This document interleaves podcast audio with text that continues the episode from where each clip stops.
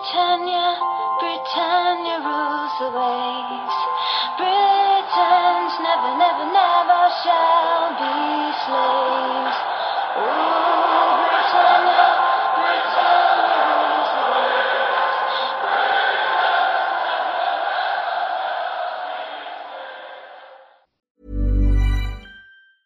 Hiring for your small business? If you're not looking for professionals on LinkedIn, you're looking in the wrong place. That's like looking for your car keys in a fish tank.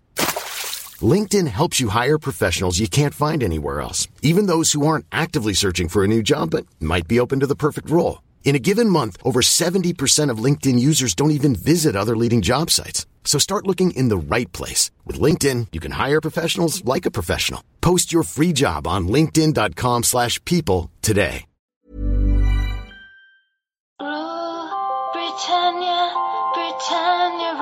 The waves. Britons never, never, never shall be slaves. Britannia, Britannia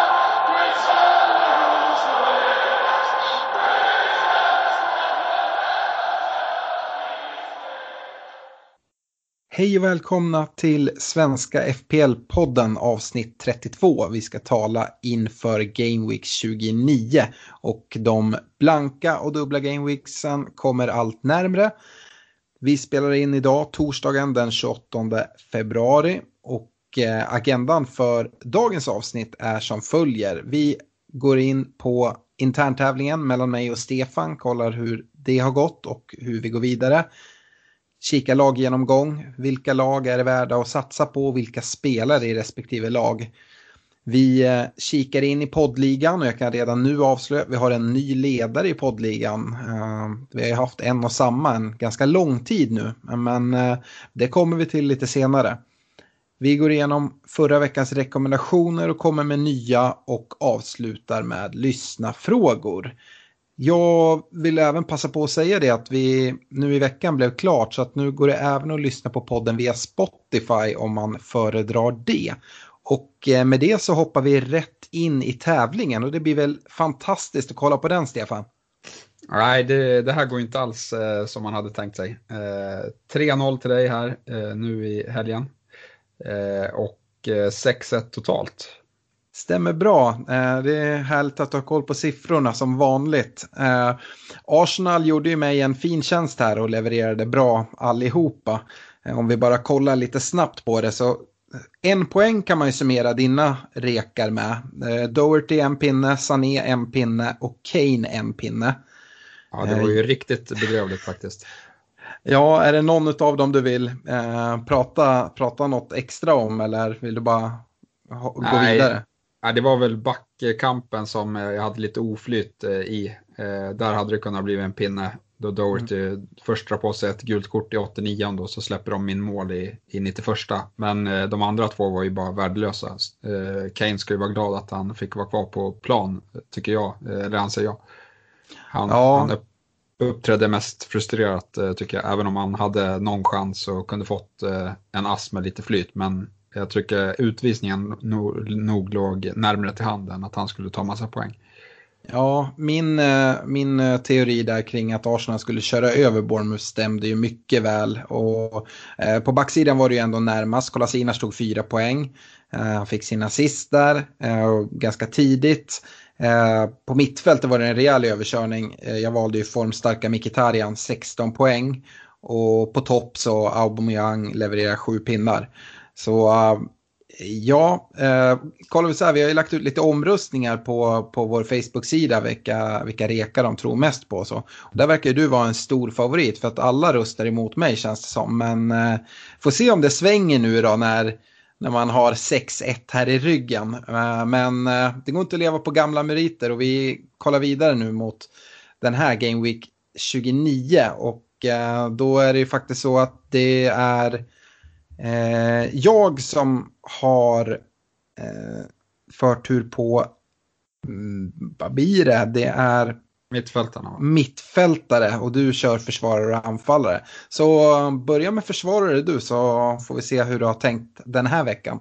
Ja, jag har ingen bra magkänsla här. När jag satt och valde så tyckte jag att det här blir inte bra. Jag hade ingen aning om vilka jag skulle välja först. Så, men, men till slut så föll valet av back ändå på Doherty i Wolves. Mm. Eh, det var den spelare jag hade tänkt ta, eh, även fast han svek dig förra veckan. Men eh, då vände jag blickarna mot Liverpool. Deras försvarare levererade ju förbaskat fint här i veckan. Nu är det ju för sig ett Merseyside-derby. Och jag tror att det är Robertson kommer, som kommer trumfa Trent den här gången. Så att Robertson väljer jag i Liverpool. Eh, mittfältssidan, där har jag fått välja först och jag har eh, gått fram och tillbaka lite och valt mellan två spelare men till slut jag, så Jag får flika in där bara att Robertson är ägd av 38,4 procent av Manchesterna så där får du nog ändra dig. Okej, okay, ja, men då går jag väl till hans kära kollega på andra sidan, Trent. Uh, han hade, stod ju för tre assist uh, här i, i Game Week 28 och det, han får gärna göra något liknande här i, i 29 mot Everton. Yes. Uh, bra där att du håller koll på mig. Uh, på mittfältet, mitt val i alla fall landar i Raheem Sterling i Manchester City som möter det mitt Bournemouth då som Arsenal körde över nu senast. I och för sig nu uh, blir det ju bortamatch för, för City men jag tror att Sterling ska kunna leverera rätt fina poäng ändå. Ja, det förstår jag. Eh, bra val. Eh, den, den eh, hade jag gärna haft också. Men eh, jag tycker det finns bra val på mittfältet i övrigt också och jag har fastnat vid Eden Hazard eh, på mitten. Det var faktiskt den andra spelaren som jag valde emellan. Tyckte väl inte kanske att han levererade jättebra mot, mot Tottenham nu senast, men Fulham som de möter, det är, ja, och jag har ju varit inne på det tidigare när jag valde Eh, Filippe Andersson. Att, eh, eftersom han spelar ut till vänster så möter han Odoi på högerbacken i Fulham som är eh, ligans absolut sämsta högerback. Så att, ja, det blir, blir en spännande match där mellan Sterling och Hazard. På topp då, Stefan, hur, hur går funderingarna där? Ja, här fanns det ju många att välja på och här kommer jag ju såklart välja fel. Men jag går ändå på att Chelsea kommer köra över Fulham och har valt Higuain.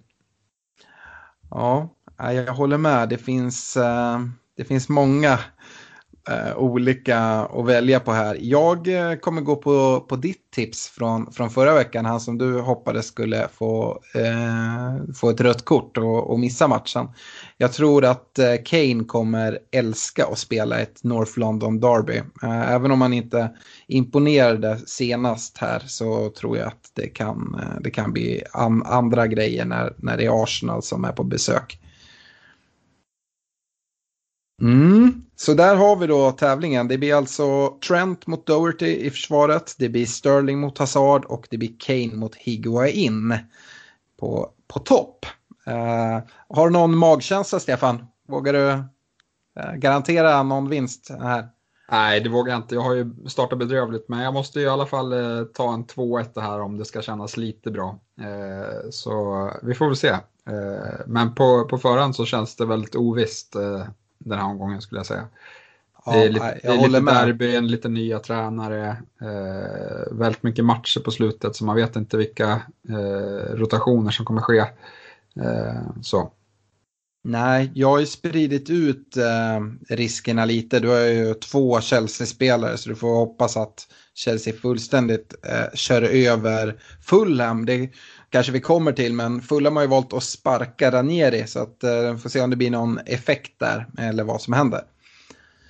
Vi, eh, får, vi kommer ju komma till fulla, men eh, om vi hoppar in i laggenomgången nu då efter tävlingen så eh, tänker jag inte att vi börjar med Fulham, utan jag tänkte starta med serieledarna och då Liverpool som eh, gjorde något eh, väldigt fint här mot, mot Watford.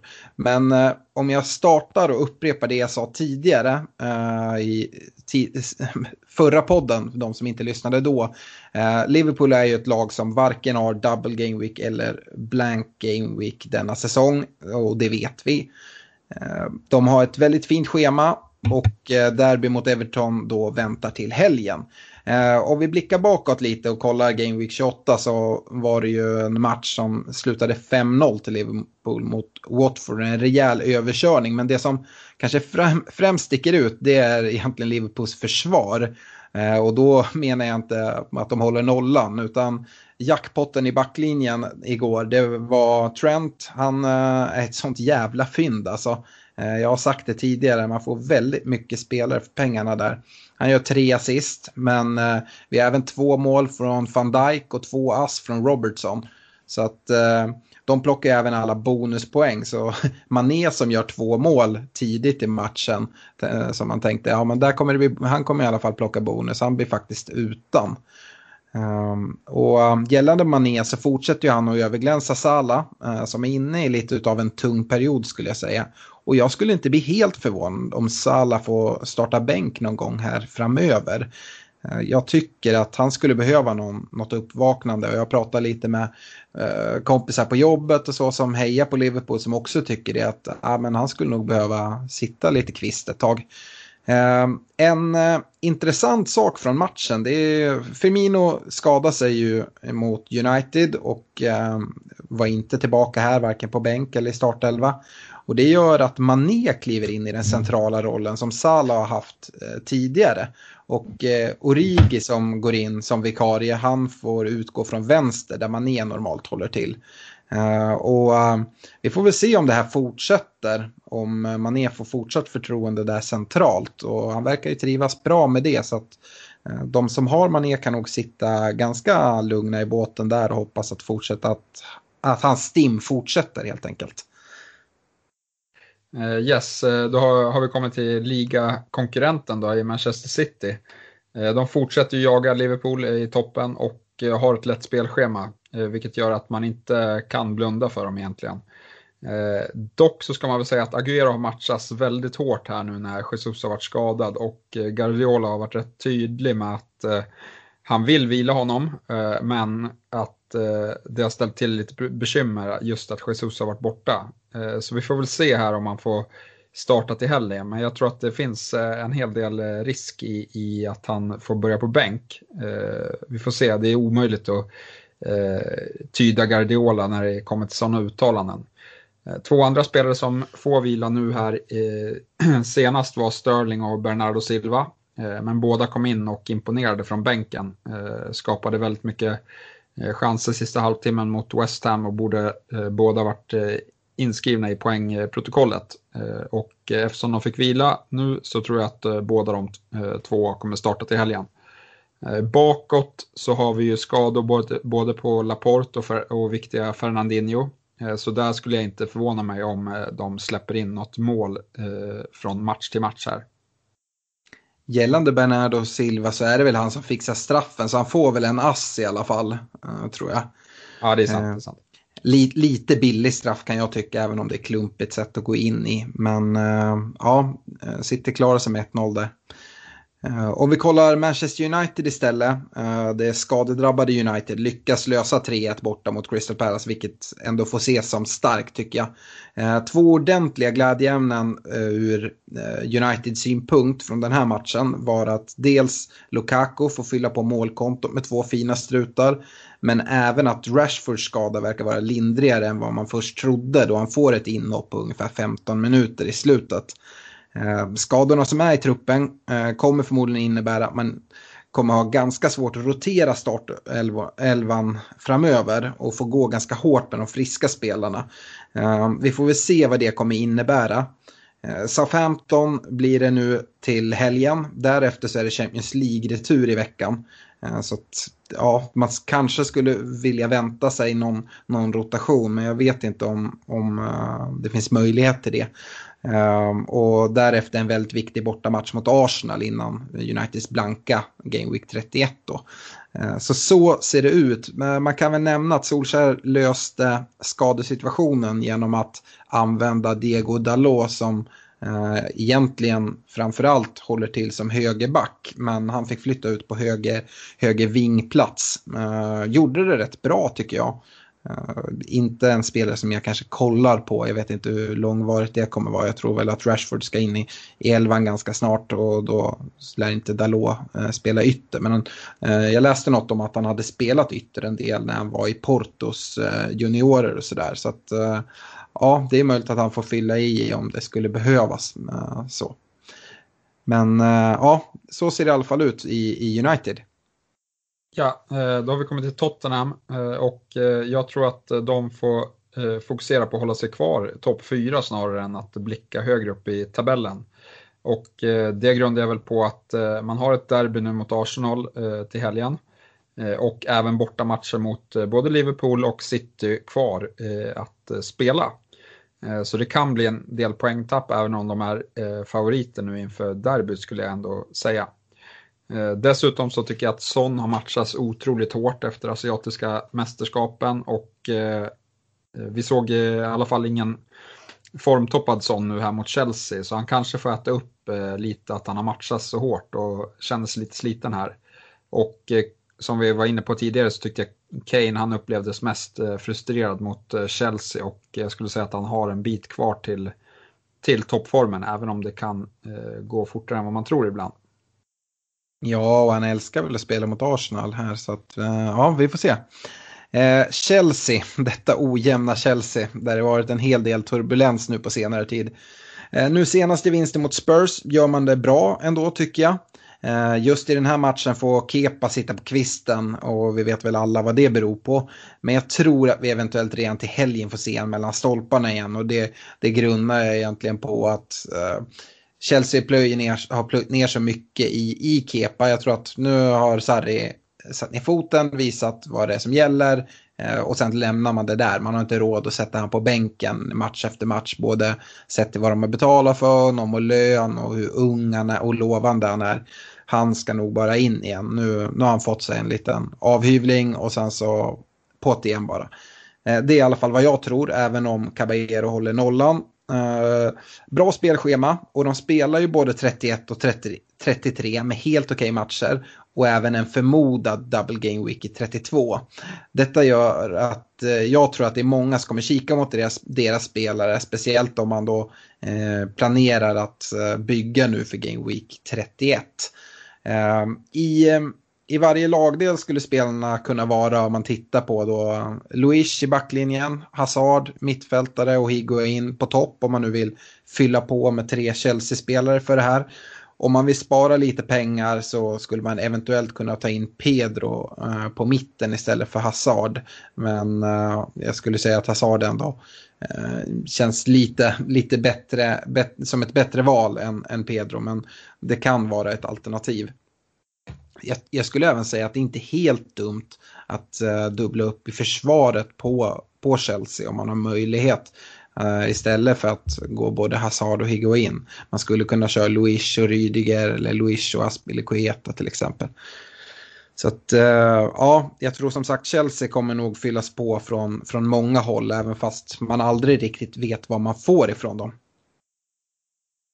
Yes, ett lag som har visat på bra form på slutet är Arsenal. Eh, man har fått upp ångan rejält, men tyvärr så väntar det ju tuffare matcher nu och eh, då smyger det sig in en viss osäkerhet eh, vad det kommer innebära. Det är klart att den fina formen skulle kunna fortsätta, men jag väljer i alla fall, eller jag tycker i alla fall att man ska avstå och byta ut sina Arsenal-spelare. Även om Lacazette, Mkhitaryan och Kolasinac har varit i väldigt bra form här på slutet. Har du någon koll på när eh, Arsenal spelar sin Europa League-match? Uh, uh, oj, uh, det var en bra fråga. Men det borde väl vara efter, efter den här helgen, tänker jag. Ja. Anledningen till att jag frågar, det är ju det som jag tycker är intressant. Lacazette kommer ju att fortsätta avstängd i Europa League. Eh, så att eh, det bör vara intressant. Eh, då de matchas rätt hårt så borde Aubameyang då spela i Europa League och precis där omkring så borde Lacazette få, få startchans i, i Arsenal skulle jag gissa. Han började ju på bänken den här matchen, Lacazette, men han kommer ju in och, och gör mål också. Yes, nej, de spelar efter United-matchen spelar de sin match i Europa League. Okej, okay. så det är mellan 30 och 31 då. Uh, yes, uh, jag hoppar vidare med Wolverhampton. Uh, jävlar vad förvånad och även förbannad jag blev nu senast när de torskade mot tokjumbon Huddersfield. Med 1-0, precis som du sa, efter insläppt mål på tilläggstid. Men det man ska säga, jag vet inte om du såg matchen Stefan, men det var inte alls orättvist. Och Huddersfield är det mycket, mycket bättre laget. Jag tyckte Wolverhampton hade egentligen ingenting att komma med. Eh, det var nog många med mig som hade betydligt högre förväntningar på sina Wolves-spelare i denna matchen. Eh, men det ska ändå nämnas att eh, Doherty som du hade och som är väldigt populär var ju Wolves solklart bästa spelare matchen igenom. Och då menar jag både defensivt och offensivt. Cardiff hemma till helgen och jag kommer i alla fall fortsätta, fortsätta sätta mitt förtroende till Wolves trots senaste bottennappet. Eh, de som är ägare till Wolves billiga försvarare, Ryan Bennett, får dock vara lite observanta. Eh, han, eh, han står nu på nio gula kort och om han drar på sig ett gult till innan eh, sista mars så blir han avstängd två matcher. Så där får man vara med lite grann. Uh, yes, uh, ja vi får se om, det, om de redan har tagit tidig semester i Wolves eller om de får tillbaka motivationen här uh, till helgen. Jag hoppas på det senare. Eh, vi har kommit ner till Leicester. Eh, de vann direkt efter att ha sparkat Poel. Eh, och eh, de har bekräftat att Brennan Rodgers kommer ta över som ny tränare och eh, det sker väl med omedelbar verkan vad jag har förstått. Eh, de har fina matcher och om man ska byta in Leicester-spelare redan nu så skulle jag gå på de säkraste korten i Vardy, Madison och Maguire. Men jag tror att det kan vara sunt också att vänta och se hur Rodgers kommer formera laget i sin eh, första match här innan man gör sina beslut kring eh, Leicester. Ja, vi får väl stanna upp där lite grann. När det är tränarbyte så är det alltid intressant. Det är, det är som du säger, man vill gärna se vad, vad nya människan har för planer. Men generellt sett, vad tror du Stefan? Jag, jag känner att eh, det här bara gör Leicester-spelarna mer intressanta. Under Poel har det ju varit så att de har agerat väldigt bra mot topplagen men lite sämre mot sämre motstånd. Och jag, jag har någon förhoppning om att Brendan Rodgers kanske kan få Leicester-spelarna att eh, även leverera mot lite sämre motstånd. Ja, men jag, jag är väl beredd att uh, hålla med. Han har väl helt okej okay facit både från uh, Liverpool men kanske nu även från, från Celtic då. Uh, så men, ja man vet inte, men förhoppningsvis så blir de lite bättre när, när spelschemat ser lätt ut, för det är det man brukar gå på i, i fantasy i alla fall. Eh, eller det är lite lättare att, att byta in spelare när matcherna ser fina ut. Ja, vi kan väl säga att vi är försiktigt positiva men att man kanske ska, ska avvakta lite grann och i alla Nej. fall se första uttagningen. Jag skulle vilja ändå highlighta Madison som har sett bra ut en längre tid här nu och fortsätter eh, se bra ut. Eh, så han tycker jag väl står ut eh, som mest positivt i Leicester. Ja, jag gillar även han ynglingen Harvey Barnes. Jävlar vad han avlossar skott alltså. Ja, absolut. Det, han är väl billig också. Mm. Får se om han får fortsatt förtroende från Brendan Rodgers. Men han har ju verkligen eh, gjort ett case för att eh, han ska starta.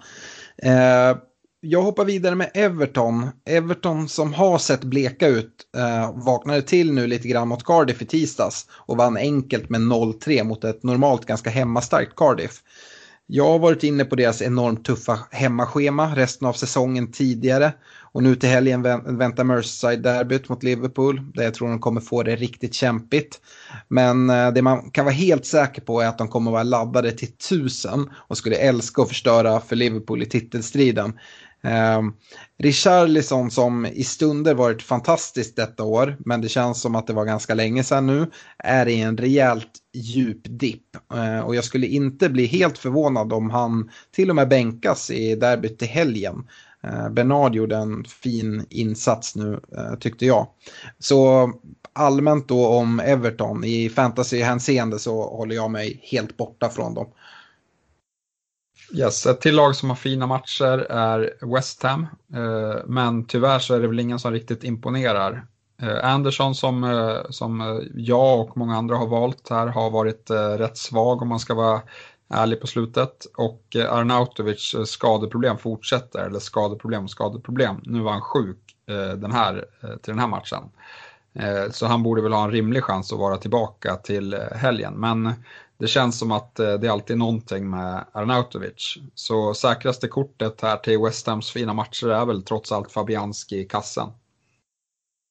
Mm.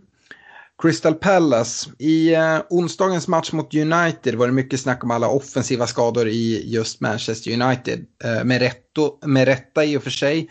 Men det som lite glömdes bort är skadorna i Palace försvar i form av både Sakho och van Bissaka. Jag tror att eh, de här skadorna kan drabba Palace ganska hårt defensivt om det visar sig att de blir borta nu en, en längre tid. Eh, kanske kan det vara värt att, att, tänka på detta om man exempelvis sitter med Guaita i, i kassen. Offensivt tycker jag ändå att de känns ganska fina med trion Sa, Townsend och Batman kanske framförallt. Eh, spelschemat ser ändå helt okej okay ut nu på, på kort sikt. Eh, men eh, Pallas, ja, jag, jag vet inte. Offensivt, jag tycker de gör en bra match mot United, det vill jag, vill jag ändå säga. Och jag tror att det är de offensiva spelarna man ska, man ska kolla åt just nu. Eh, yes, eh, ett eh, lag som har gått allt bättre på slutet är ju Burnley. Även om det blev förlust här senast så tycker jag att de kan vara intressanta. De möter Crystal Palace till helgen tror jag. De har matcher både i Game Week 31 och 33, vilket gör dem intressanta för folk som behöver ha in spelare till just de veckorna. Eh, och jag skulle säga att Tarkovski i backlinjen och Barnes på topp är eh, mina eh, bästa tips från Burnley. Jag gillar ju även det man ser från inhoppande Gudmundsson här i, i nu senast. Jag, jag tycker han, han kan nog stå för en, för en del poäng också. Ja, absolut, Gudmundsson kan vara men det är alltid, så, det är alltid problem med folk som har varit borta mycket med skador mm. och så. Det, det känns som att när det sker mitt under säsong så kanske det att det stressas lite tillbaka och eh, att det kommer nya bekymmer. Ja, absolut. Barnes gillar jag också. Han är ju straffskytt dessutom i, i Burnley. Uh, vi går vidare med Bournemouth uh, och här måste vi väl konstatera att det här måste vara ett av ligans absolut sämsta bortalag. Uh, nu spelar de visserligen hemma till helgen men då mot Manchester City. Det, det kommer bli tufft. Efter City-matchen tycker jag, trots deras bedrövliga bortafacit, att man kan vända blickarna mot Bournemouth igen. Då spelschemat resten av säsongen eh, mer eller mindre ser riktigt mumma ut. Av topp 6-lagen så är det endast eh, Spurs som de har kvar och det är näst sista omgången hemma. Eh, dessutom så fick vi se att Brooks var tillbaka från skada senast och fick inleda på bänken. Eh, det är en spelare man kan kolla på men även exempelvis mittfältskollegan Fraser eller King i anfallet. Wilson ser ut att missa någon eller några veckor till dock. Eh, yes, vi har kommit ner till Brighton. Eh, de har fina matcher innan deras tomma Game Week 31 och som vi varit inne på tidigare så finns det en chans att de får tre matcher i Game Week 32 även om det kanske inte är jättetroligt men det skulle kunna hända. Och eh, om det händer, då tycker jag att man bör eh, utvärdera både Ryan, Duffy, Gross och Murray. Eh, lite beroende på hur eh, situationen ser ut här efter landslagsuppehållet. Mm. Jag går vidare med Newcastle det känns som ett eh, lag som verkligen är på G. Eh, de känns på uppgång och de har ett fint spelschema. Nyförvärvet Almiron har imponerat på många och även mig. Dessutom fortsätter Rondon att vara ett billigt anfallsalternativ. Men annars, eh, det är många som pratar om just Almiron och Rondon. Men eh, det är ett lag som är styrt av Rafa Benitez och har väldigt defensivt starka ramar. Eh, jag, jag gillar Newcastles försvar väldigt mycket. Jag tror inte att de kommer släppa in speciellt mycket mål med det här fina schemat. Och vi såg nu senast här Fabian Skär som visade sig vara riktigt målfarlig och levererade en riktig, riktig kanon nu senast. Ehm, jag tror, sticker ut hakan lite här och tror att de relativt enkelt kommer undvika nedflyttning och jag kollar framförallt mot Newcastle i form av deras försvarsspelare. Eh, yes, då har vi kommit till tre lag här som jag tycker att man ska undvika i fantasy. Eh, det första är Watford. Eh, och där har vi väl en spelare i Delofeo som kan vara riktigt, riktigt vass i sina bästa stunder. Eh, men efter Leicester-matchen nu här till helgen så är det väldigt tuffa matcher och eh, därför tycker jag att man ska avstå. Eh, ett annat lag som har tuffa matcher är Southampton. De har dessutom ingen match i omgång 31, så där är det också undvik. Och Fulham, två sparkade tränare i år, ingenting som tyder på en, push för att klara sig kvar, vad jag skulle se. Så där tycker jag att man bör bara undvika det spelare. Mm. Jag tänkte köra av två lag här i Huddersfield och Cardiff. Och um, Huddersfield, de vann oväntat men rättvist mot Wolves senast. Men uh, nedflyttning ser ändå helt oundvikligt ut tycker jag. Mitt tips är även att Cardiff kommer göra Huddersfield sällskap ner i Championship tillsammans med just Fulham som du nämner. Eh, Cardiffs bästa spelare Camarassa eh, har ju haft ordentliga problem med sin ena vad men ska nu enligt uppgift från Warnock-tränaren vara frisk och tillgänglig till helgen. Eh, härligt för dem som har suttit med honom som en möjliggörare på mittfältet att jag i alla fall, eh, även om man startar på bänken, har, har en, en spelande spelare. Eh, men eh, Cardiff har ett eh, jobbigt spelschema här framöver och det är väl bara att egentligen hålla sig borta därifrån tycker jag. Det var alla 20 lagen va Stefan? Det stämmer bra. Då tycker jag vi kikar in i poddligan och precis som jag eh, nämnde lite i när vi gick igenom agendan så ser vi lite, lite skiftningar i, i toppen. Alexander Miron som har haft ledningen länge har nu eh, dels tappat ledningen men även fallit utanför topp tre och placerat sig på strax därefter plats fyra. Eh, och vi har på första gången på länge en manager i topp tre som inte heter Alexander i förnamn. Eh, ledaren är dock fortfarande en Alexander, nämligen Alexander Meltoft som står på 1843 poäng totalt, mycket starkt. Alexander Rosén ligger tvåa på 1824 poäng och sen på tredje plats då har vi en liten nykomling här uppe i topp tre. Eh, listan är Tommy Mross på 1819 poäng. Eh, riktigt där är vi inte med, med poddlaget. Vi är väl en 100 poäng efter Tommy ungefär.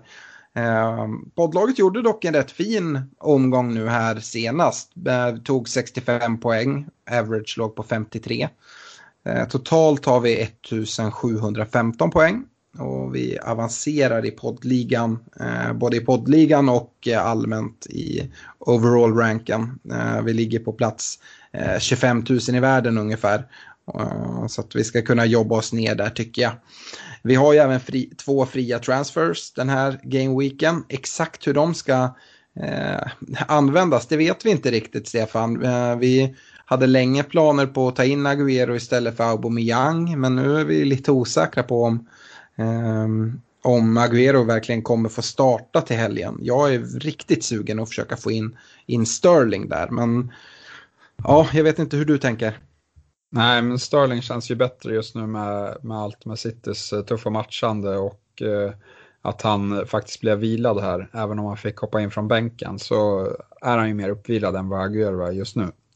Eh, så jag, jag håller med dig där att eh, Sterling är nog prio och få in och vi har ju som sagt två gratisbyten så det borde eh, vi kunna lösa utan problem. Jag läste något om Sterling också nu när han ska möta Bournemouth att det är tydligen ett av hans absoluta favoritlag att möta. Han har gjort mål mot dem, nu vet jag nu tar jag de här siffrorna från huvudet, men om det är sex raka matcher eller något sånt där.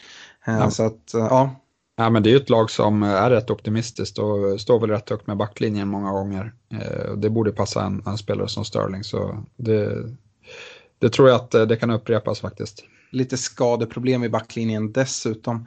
Eh, jag tänkte även upprepa, jag spelade in en Facebook Live här tidigare i veckan där jag presenterade den chipstrategi vi kommer använda i poddlaget. Så jag tänkte även dra den här i podden lite snabbt.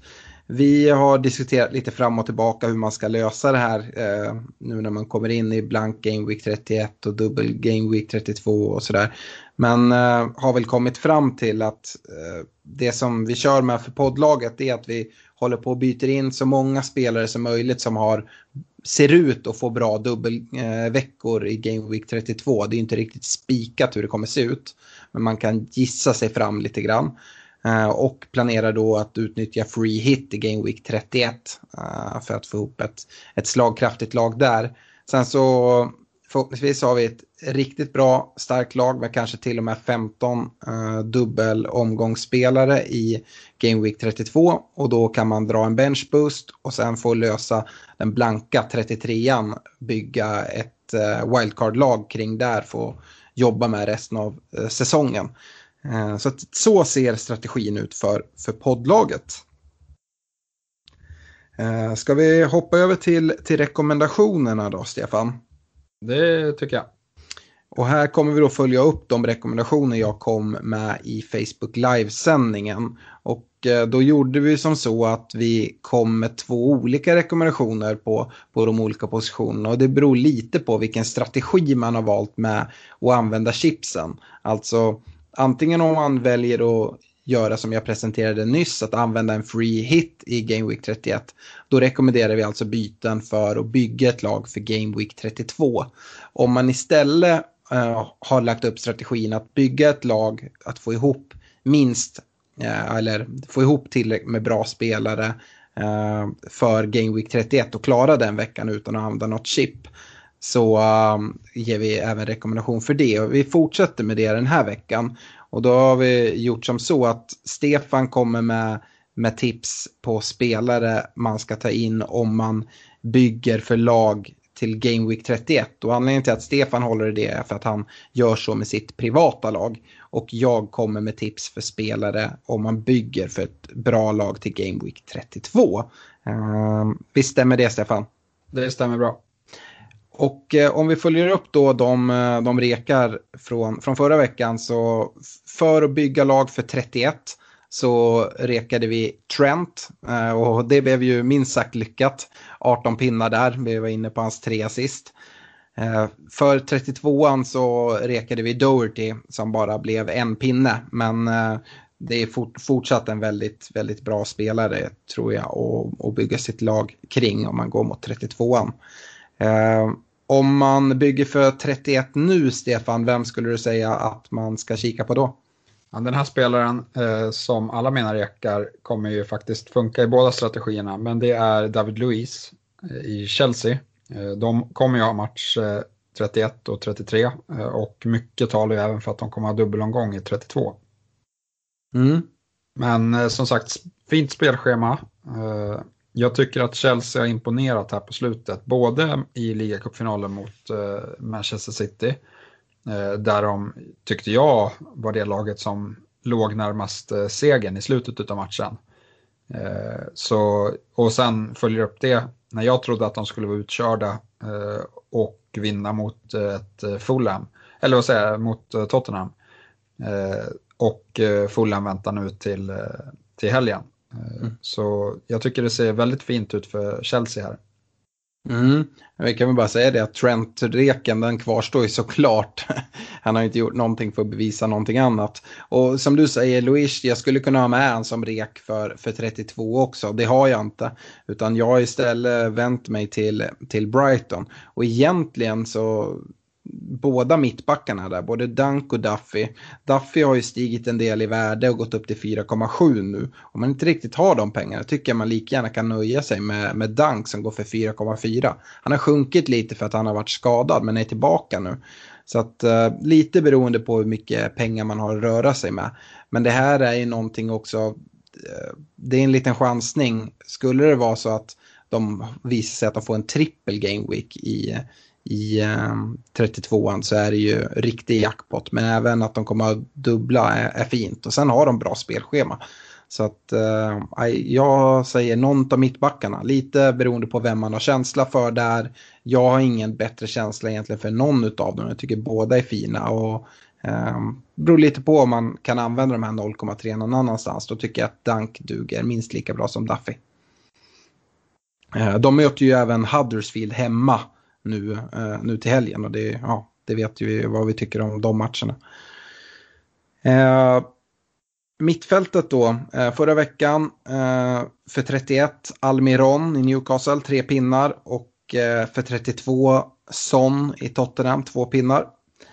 Eh, vi lämnar det väl egentligen där och eh, pratar Game Week 31 i, eh, Ben. men du har redan hintat lite om att det är Chelsea vi vänder oss om eh, även här. Ja, det stämmer bra. Eh, och valet får vi komma på Eden Hazard som blev utbytt efter 60 minuter här nu mot Tottenham och det var nog mest på grund av att han var sliten efter ligacupfinalen. Jag, jag förväntar mig att Hazard kommer spela från start till helgen och har väl alla möjligheter att göra det bra mot Fulham. Jag har faktiskt skrivit ner Hazard också, In, inte som min huvudrek här för 32an, men jag har skrivit ner den. Alltså den dubbelveckan som de ser ut att kunna få Game Week 32. Det är alltså Brighton hemma och Cardiff borta. Så det är ju en riktigt fin dubbelvecka.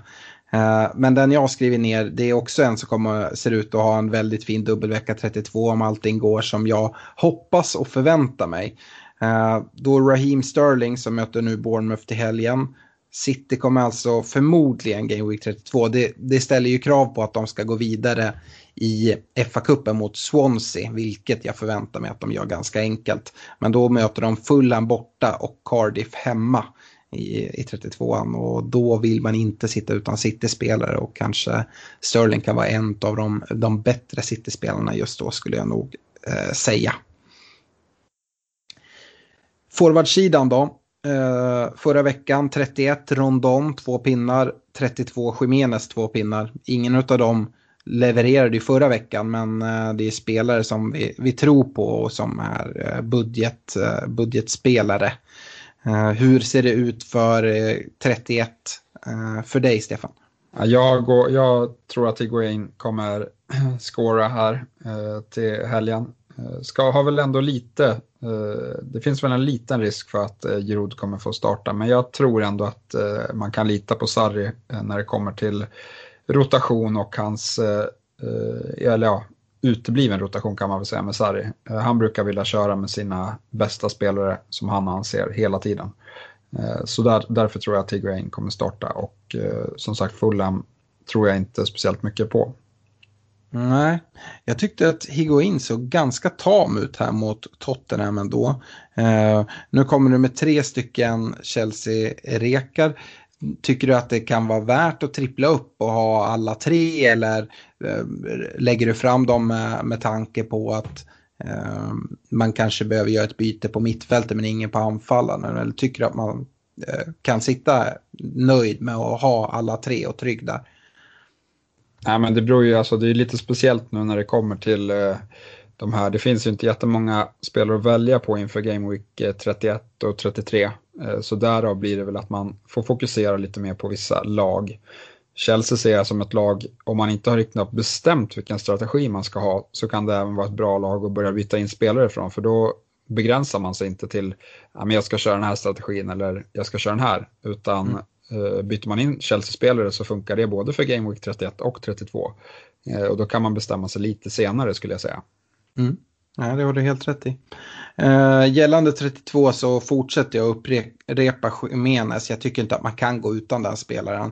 Uh, men jag ska även nämna Agüero jag är jätte-jätteorolig att han kommer vilas nu till helgen. Däremot så, så känns det livsfarligt att gå utan Agüero med det spelschema de har. Jag tycker att man, man bör se, se till att få in honom här eh, ganska, ganska snart om man har möjlighet.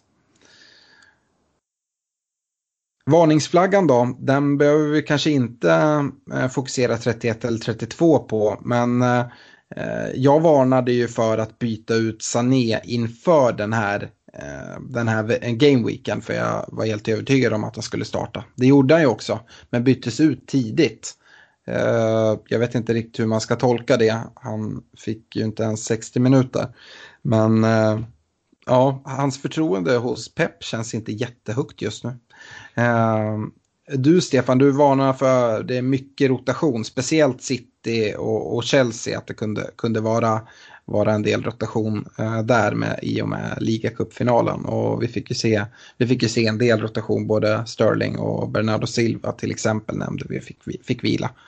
Ja, men den, den som eh, klarade sig var ju Aguero och han plockade in nio poäng så det blev väl ändå, ändå fel. Eh, men, men som sagt, det var väl skadan på Jesus som eh, ställde till lite där eh, också. Mm. Eh, nu skulle jag vilja varna då, det här kanske är lite konstigt när jag precis har, har sagt att man eh, ska eh, måste få in Agüero på något sätt. Men jag vill nä nämna det, vi har varit inne på det tidigare i podden. Jag tror att det finns en ganska stor risk att Agüero vilas. Kanske att Sterling får gå in i, i nummer nio-rollen, vilket han har gjort tidigare och fyllt i. Eh, alternativt om Jesus kan vara tillbaka. Ehm, men eh, det vill jag ändå nämna. Sen så utöver eh, att det finns en, en vilorisk på Agüero så är eh, en stor, stor varning. Jag har hört att det är folk i olika forum som diskuterar att eftersom att det inte är bekräftat än riktigt hur Game Week 32 kommer se ut. Så att man Eh, inte ska planera så mycket för hur man ska använda chipsen och hur man ska göra byten redan nu. Eh, det är någonting jag varnar för. Jag tycker att man måste redan nu sätta en strategi. Vi är snart där. Eh, sen så kan man vara olika aggressiv med strategin. Och man kan vara, vi vet till exempel att United och Wolverhampton har dubbelveckor. Det är redan bekräftat i, i, i 32an. Och ehm, så de kan man ju ta in några utav. Men jag har också väldigt svårt att se att till exempel inte City ska ha en dubbelvecka. Då. det är ganska svårt att hitta andra, andra datum för, för matcherna. Eh, så att eh, jag tror att det kommer bli en stor dubbel Game Week eh, 32. Men tyvärr får vi inte besked om det förrän, förrän senare. Men ha, ha en plan. Yes, och jag vill varna för Arsenal. Eh, de har ju sett bra ut på slutet, men som jag var inne på i laggenomgången så, så vänder spelschemat här. Arsenal är ett lag som ofta kan se bra ut mot sämre motstånd, men sen när det vankas eh, tuffa matcher då kan det bli platt fall. Eh, och nu har de Spurs till helgen, United efter det och sen en blank vecka. Så där varnar jag för Arsenal. Mm kaptensvalet förra veckan så rekade vi Aubameyang. Han gjorde ju mål, dock hade man väl hoppats på lite mer från, från honom. Han var väl nära, hyfsat nära att få ytterligare ett mål, men bollen var ju redan inne när målvakten eh, gjorde den så kallade räddningen. Sju poäng blev det i alla fall där. Eh, ja. ja. Ja, han assade ju även till Özil när Özil sköt i stolpen eh, mm. klockrent. Så det hade kunnat bli mer, men, men han fick nöja sig med sju pinnar. Absolut, och det är ändå skönt sett till de som hade satt binden på Sala som eh, går helt poänglöst trots att de vinner med 5-0. Eh, det måste varit extremt frustrerande om man satt med binden där. Eh, jag nämnde ju även att det kunde vara ett läge att släppa, slänga in en eh, differential-kapten på Khemenes eller Doherty. Jag hoppas inte att det var för många som gjorde det. Jag tyckte ändå att det fanns ett bra case till det. Uh, och det har jämfört med att sätta den om man vägde om man skulle sätta på dem eller Sala så, så gjorde det inte så mycket såklart. Uh, och det, det differential-valet tycker jag fortfarande står sig den här gameweeken. Jag tycker att det finns möjlighet att sätta en, en bindel där i, i Wolves. Uh, men min, min riktiga rek den här veckan, eller vad man säger, det som jag allra helst skulle vilja göra om jag hade honom i mitt lag, det är att sätta kaptensbindeln på Raheem Sterling. Jag har ju redan snackat så mycket om honom, men eh, ja, eh, Bournemouth borta och Sterling älskar att göra mål på Bournemouth. Ja, där är vi slående överens, så då kan ni ju fatta vart eh, vi bytena i poddlaget, hur de kommer se ut också. ja, det låter så, vi är överens där. Eh, skulle man inte ha Sterling, men kanske ha Hazard, så tycker jag det är ändå en fullgod eh, kaptensalternativ till Sterling. Eh, Gällande differential då, då går vi tillbaka egentligen till 31 och 32 beroende på vilken eh, strategi man har. Eh, förra veckan så rekade vi Madison eh, om, eh, för 31 och Jota för 32. Eh, Madison tog sex pinnar, eh, fick ju sin assist där fram till Vardy och Jota tog tre pinnar. Eh, han blev ju utbytt innan han släppte in mål så därför fick han även för nollan. Det förklarar varför han fick tre. Eh, har du någon differential för uh, Game Week 31, Stefan? Nej, jag upprepar Madison. Uh, jag tycker att uh, han ser fin ut och det är ju en, ändå en ung spelare så jag, jag har väldigt svårt att se att Brandon Rogers inte skulle vilja satsa på honom.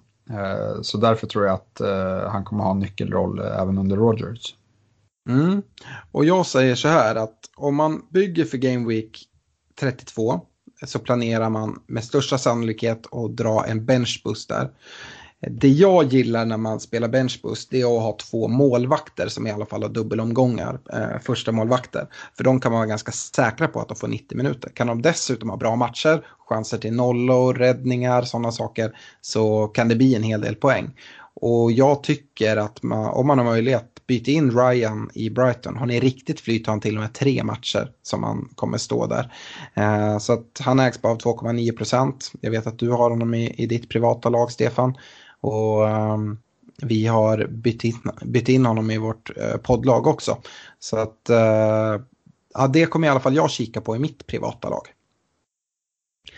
Eh, det blev en målvaktsrek där, det är inte så vanligt. Vi har inte med några målvakter i våra rekommendationer annars. Eh, ska även påminna, deadline för eh, byten och sånt nu inför Game Week 29 är lördag, alltså den 2 mars, eh, nu på lördag. Eh, klockan 12.30. Sen har vi ju eh, den eh, North London Derby som inleder eh, Game Week 29. Så det blir väldigt, väldigt spännande skulle jag säga. Och det är en torsk där för, för Tottenham, då är det ju faktiskt vidöppet om topp 4-platserna och även eh, Spurs blir inblandade på riktigt där. Eh, ska vi hoppa in i lite lyssnarfrågor, Stefan? Det låter jättebra. Ja. Eh, Fredrik Andersson skriver till oss. Är det bara United och Wolverhampton som har double game week 32 eller kan det tillkomma fler? Nej, det kan tillkomma fler och eh, som du redan har varit inne på Alex, så Manchester City ser ju väldigt troligt ut eh, att de kommer ha en dubbelomgång. Och om Manchester City har dubbelomgång så kommer även Cardiff ha det, även om den är tuff. Eh, och sen finns det ju chans att eh, Brighton kommer ha dubbel eh, och även stor chans att Chelsea kommer ha det. Eh, men där vet vi inte riktigt. Eh, och så finns det även andra lag som, som skulle kunna ha det. Men det, där är utgången ur FA-cupen lite mer beroende på hur det ser ut. Eh, och de här beskeden kommer man väl få så pass sent. Vad är det? Är det innan Game Week 31 deadline man får det? Ja, det, precis. Det är väl eh, precis innan där. Eh, mm. som, så det, det, är väldigt frustrerande om man eh, planerar för att byta in eh, spelare som eventuellt ska ha dubbelmatch eller inte. Mm. Eh, nästa fråga är ungefär likadan. Jocke Kaptenen skriver vilka lag kommer eventuellt kunna få double game week i 32an?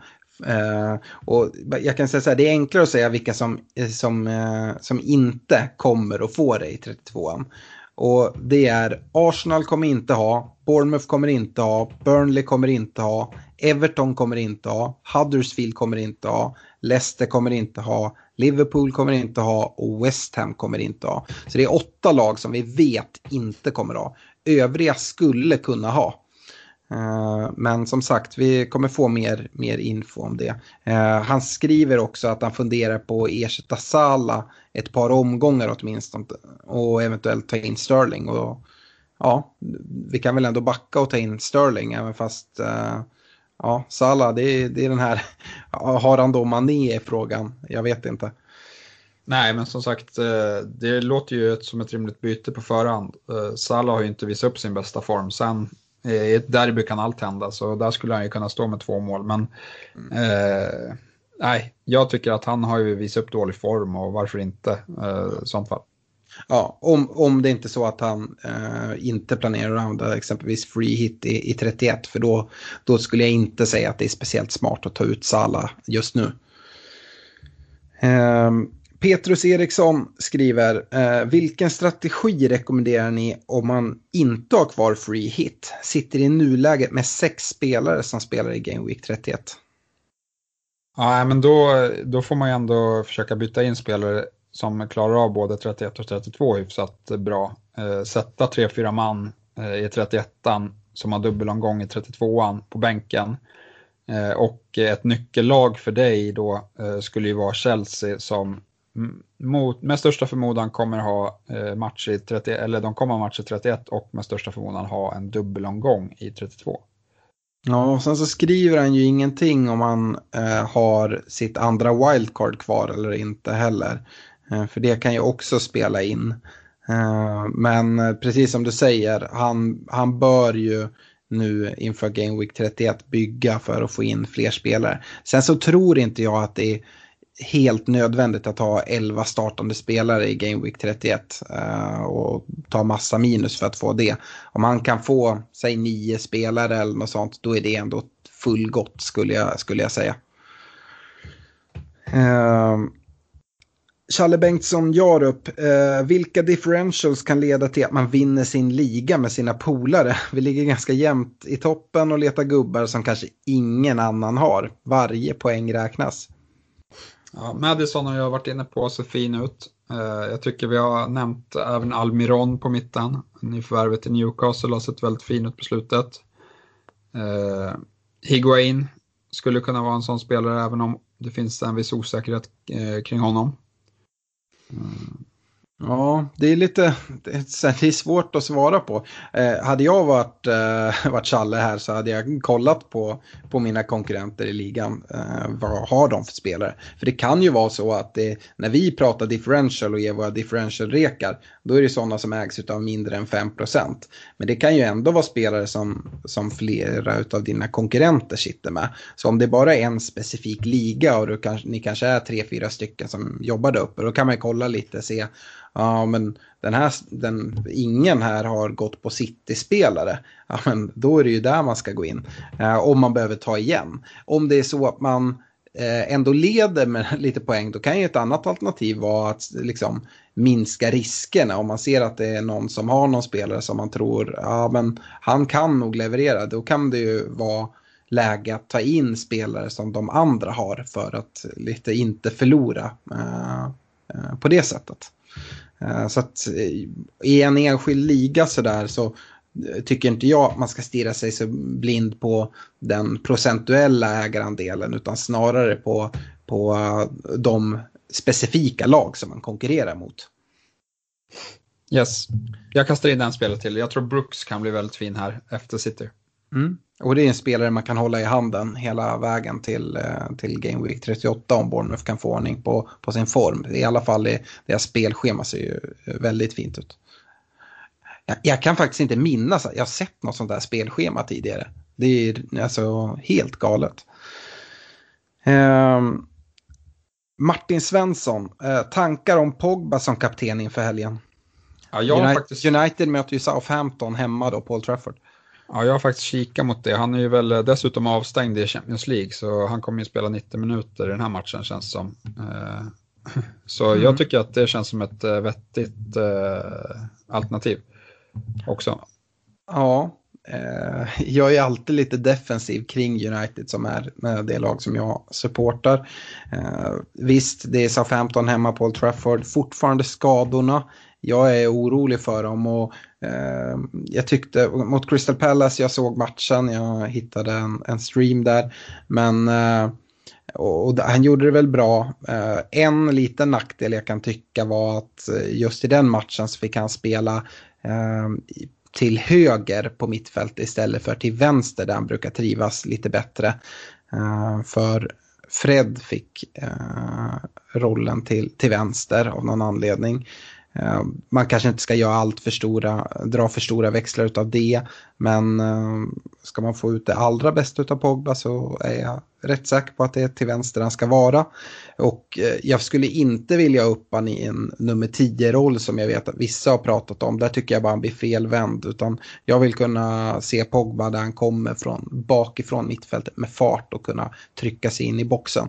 Eh, det är absolut inte dumt att ha Pogba som kapten. Eh, men eh, som sagt, det har jag varit tydlig med. Har man Sterling eller Assad skulle jag hellre sätta binden på, på någon av dem. Didrik Nilsson skriver in.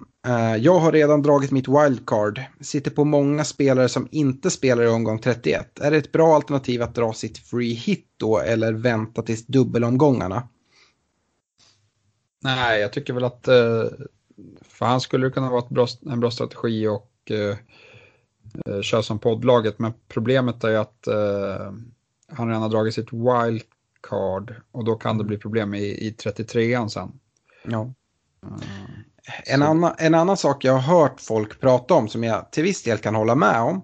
Att jag tycker att har man, har man möjlighet att bygga ett lag som du gör i ditt privata Stefan för 31, då håller jag det som snäppet vassare. Och anledningen till det, det är att jag tror att de som har byggt ett lag nu inför 31, deras lag och de som drar free hit, eh, free hit-lagen, de kommer inte skilja sig jättemycket.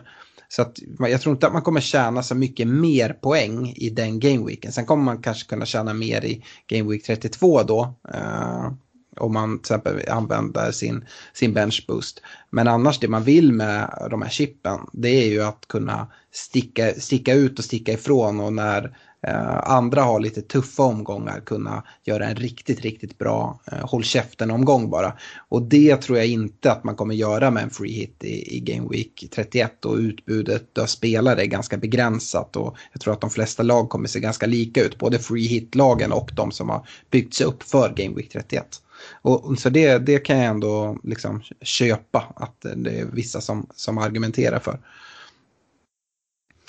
Eh, men eh, ja, det är svårt att säga. Jag, jag, skulle ändå i hans situation använda free hit i, i eh, Game Week 31 om han då eh, om han har väldigt få spelare. Eh, han måste ju få ihop eh, ja, minst sju, åtta spelare skulle jag nog säga är smärtgränsen. har, har du någon annan syn, Stefan? Nej, men som sagt, eh, jag vet ju själv eftersom jag planerar för 31 och har sett att två, att det går ju att få ihop det hyfsat bra eh, tack vare Chelsea eh, mellan de två omgångarna. Då kanske 33an blir eh, lite tuffare. Så eh, jag tror han kommer ju ha problem i vilket fall och han kommer få offra någon game week lite grann. Eh, så frågan är vilken han kommer förlora minst på skulle jag säga. Mm. Eh, Ronny Iveslätt ställer en fråga här. Vi har varit inne på Brendan Rodgers. Vad tror ni om Brendan Rodgers intåg och vad det betyder för Leicester? Jag behöver spelare till vecka 31 och funderar på att skeppa Aubameyang för Vardy. Jag har redan Jimenez och Rondon. Och eh, vad är status på Arnautovic?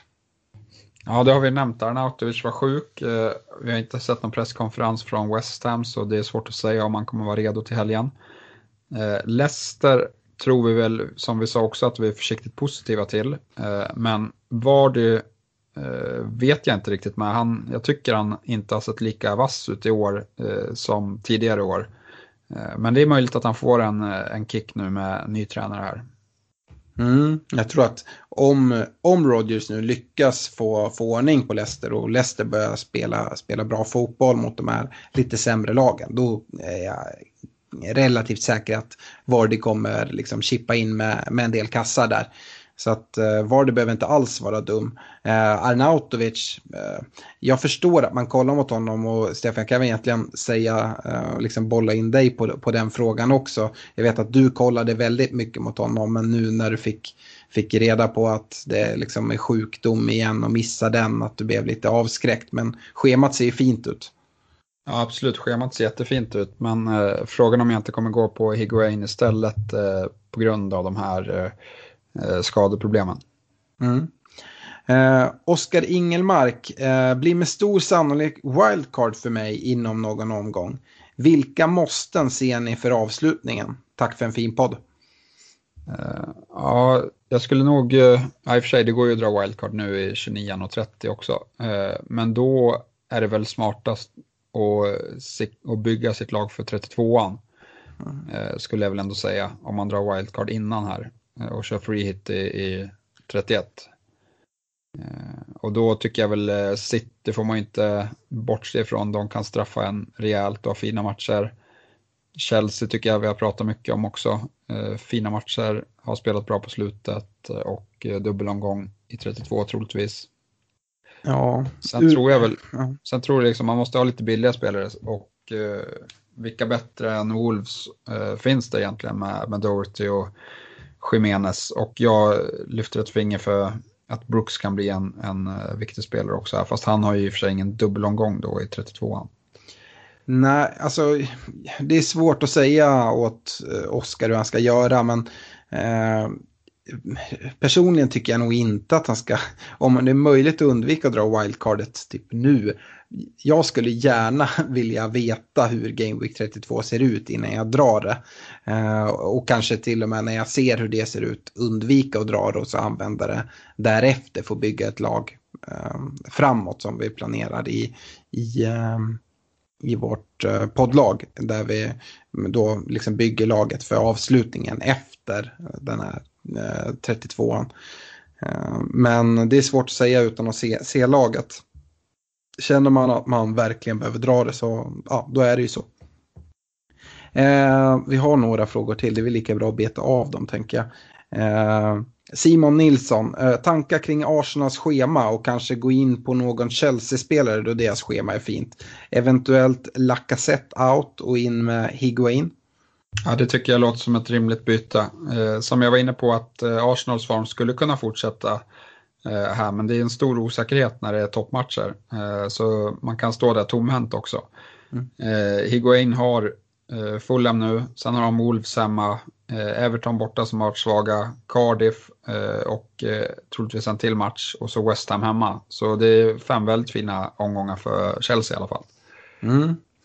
Eh, Andreas Albacka letar eventuellt efter en ersättare till van Bissaka då det är oklart hur länge han är borta. Eh, och den här ersättaren då ska spela Game Week 31 och 33 till högst ett pris på 4,8 då jag planerar för en free hit i Game Week 32. Vem kan ni rekommendera? Eh, Tarkovski tycker jag väl ändå ser rimlig ut. Eh, då får man matcher hemma mot Crystal Palace och hemma mot Leicester i, nu till helgen och sen i 31an. Eh, det är väl den som jag tycker eh, ser bäst ut. Sen får man väl kasta in att eh, Kär har imponerat i Newcastle och att Newcastle också har eh, rätt bra matcher fast däremot bortamatcher. Eh, eh, det man ska säga om Kär där, för jag, jag pratar mig väldigt varm om honom, eller egentligen så talar jag mig varm om Newcastle och deras försvar. Det är att han står på åtta gula kort om jag inte är helt fel för mig. Eh, och precis som jag nämnde för, för Bennet i Wolves, när det kommer upp på tio innan den sista mars blir det avstängt två matcher. Så att den risken finns om man tar in honom nu, att helt plötsligt kan han vara borta i två matcher och det vill man gärna undvika. Men, eh, men Newcastle slår jag ett jättehårt slag för. Jag älskar deras försvar och vill man inte chansa med, med Kär så finns ju till exempel eh, Lasells där för han går väl på 4,6 eller någonting sånt. Jag sitter inte med det framför mig. Eh, man borde gå in under de här eh, eh, förutsättningarna som, som, man, som man nämner. Jag gillar verkligen Newcastles schema och eh, deras... Men hur är det? Har Newcastle, det är inte helt säkert att de har match 33 kanske? Eh, låt mig kolla. Nej, precis. Eh, om, eh, hur blir det? Om eh, Crystal Palace går vidare. Va? Om Crystal Palace slår ut Watford så har de ingen match i 33. Nej. Uh, så ja, det får man väl ta med sig då. Uh, men ja, det är helt, jag tycker det känns rätt öppet där mellan Crystal Palace och Watford också. Så att det är svårt att säga. Uh, ja, vi fick i alla fall några namn där, Andreas. Uh, sista frågan här från Mirset då. Uh, satsa på Leicester-spelare nu med ny, nya tränare och lätt spelschema. Vad sägs om till exempel ett byte från Felipe Andersson till Madison för att fria pengar uh, till Rondon också? Ja, personligen skulle jag nog avvakta en vecka med det bytet. Eh, Filippa Andersson, hemma Newcastle, eh, Leicester ska åka och spela bortamatch mot eh, Watford.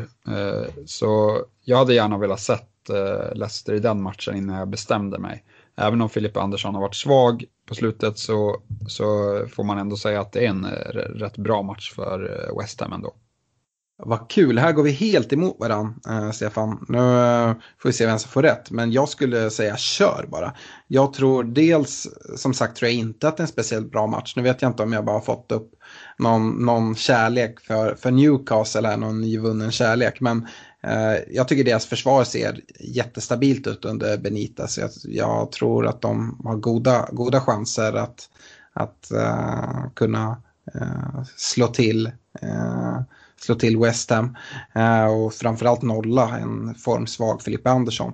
Eh, Madison däremot eh, kanonhet eh, och med ny tränare. Han kommer definitivt eh, få, få förtroende av Brendan Rodgers och eh, ett Watford som är helt mörbultade efter Liverpool som bara har några få dagar att samla sig inför den här matchen. Eh, jag tror att Leicester har väldigt fina chanser i den matchen.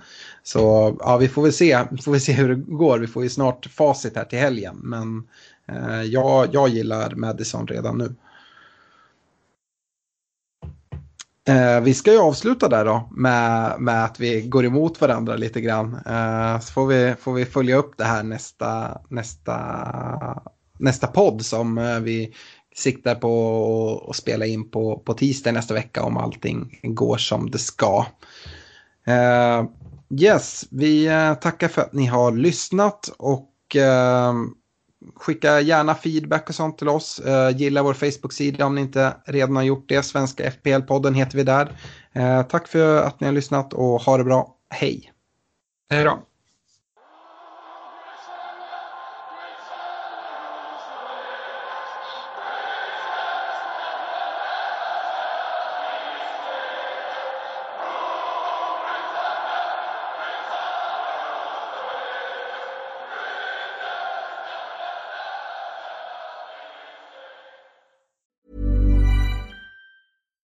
Deserves the best, and there's no better place to shop for Mother's Day than Whole Foods Market. They're your destination for unbeatable savings, from premium gifts to show-stopping flowers and irresistible desserts. Start by saving 33% with Prime on all body care and candles. Then get a 15-stem bunch of tulips for just $9.99 each with Prime. Round out Mom's menu with festive rosé, irresistible berry chantilly cake, and more special treats. Come celebrate Mother's Day at Whole Foods Market.